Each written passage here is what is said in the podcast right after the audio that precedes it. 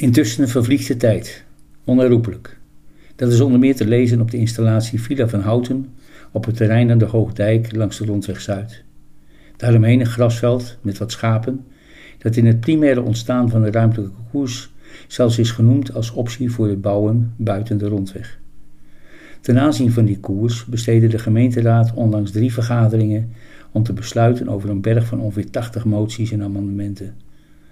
Dat is voor die ruimtelijke toekomst van Houten al een teken aan de wand. En er moet een volksraadpleging hierover op 17 maart nog plaatsvinden. Dat levert in het vervolg gegarandeerd een aanvullende discussie op in de gemeenteraad. De belangrijkste vraag richt zich naar verwachting op de feitelijke koers. Noordwest, oftewel door een kade, of Noordoost, richting Bunnik-Oudijk. Dat vraagt om nader onderzoek, maar intussen vervliegt de tijd. Als ik kijk naar het groentje als lokaal nieuwsmedium, is het net alsof die elke week dunner wordt. Blijven we nu verstoken van actueel plaatselijk nieuws? Of komt dat omdat de internationale of nationale gebeurtenissen de overhand hebben? In de dagelijkse nieuwsuitzendingen en talkshows gaat het vrijwel continu over de lockdown, aangevuld met protesten tegen de avondklok en de toeslagenaffaire die de regering de kop heeft gekost. En dan ga ik nog voorbij aan de Amerikaanse verkiezingen, met als exponent de overval op het kapitool. Natuurlijk is het belangrijk te lezen dat ook in Houten gedupeerden van de fraudeaanpak hun schadevergoeding mogen behouden. Of dat het ontmoetingscentrum Zonhout een derde dag open gaat voor de opvang van mensen met dementie en hun mantelzorgers. Of dat Expo Houten als regionaal centrum fungeert voor het uitvoeren van het vaccinatiebeleid.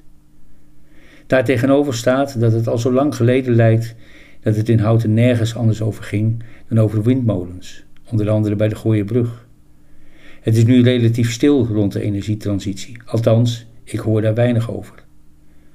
Daarmee heb ik niet gezegd dat er achter de schermen niet hard wordt gewerkt. Ik moest eraan denken toen ik recent langs de villa van Houten liep. Naast de Hoogdijk stond een geel bordje. Stedin werkt aan het energienetwerk van morgen, stond erop. Zij hebben eind vorig jaar kabels in de grond gestopt vanwege de aanleg van een zonnepark nabij het Oostromdijkje, voldoende voor het elektriciteitsverbruik van ongeveer 3800 huishoudens. Vrijwel gelijktijdig werd mijn aandacht getroffen door een artikel van de provincie Utrecht. Vier gemeenten in de Klommerijnstreek werken samen om bewoners te betrekken bij het zoeken naar een geschikte locatie voor zonnevelden en windmolens. Feit is dat beide veel ruimte vragen, vanwege hun omvang, staand of liggend.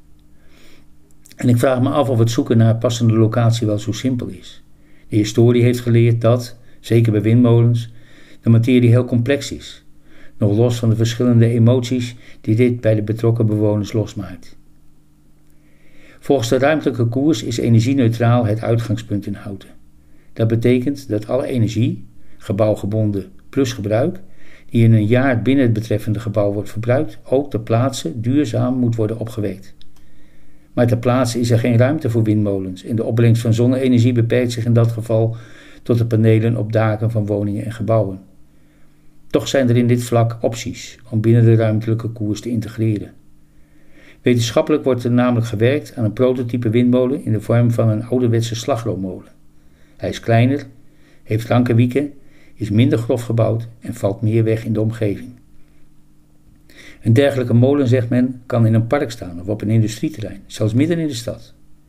Daarmee ligt ook het idee van de buurtmolen voor de hand. Kan dat soms een bijdrage zijn aan de provinciale zoektocht naar geschikte locaties? De doelstelling van de Houtense koers, zowel ruimtelijk als energie-neutraal, heeft 2040 als stip op de horizon. Om dat te realiseren is het noodzakelijk de komende tijd effectief te besteden. Ofwel, in de geest van de Villa van Houten, er wordt gewerkt aan de geschiedenis. Intussen vervliegt de tijd, onherroepelijk.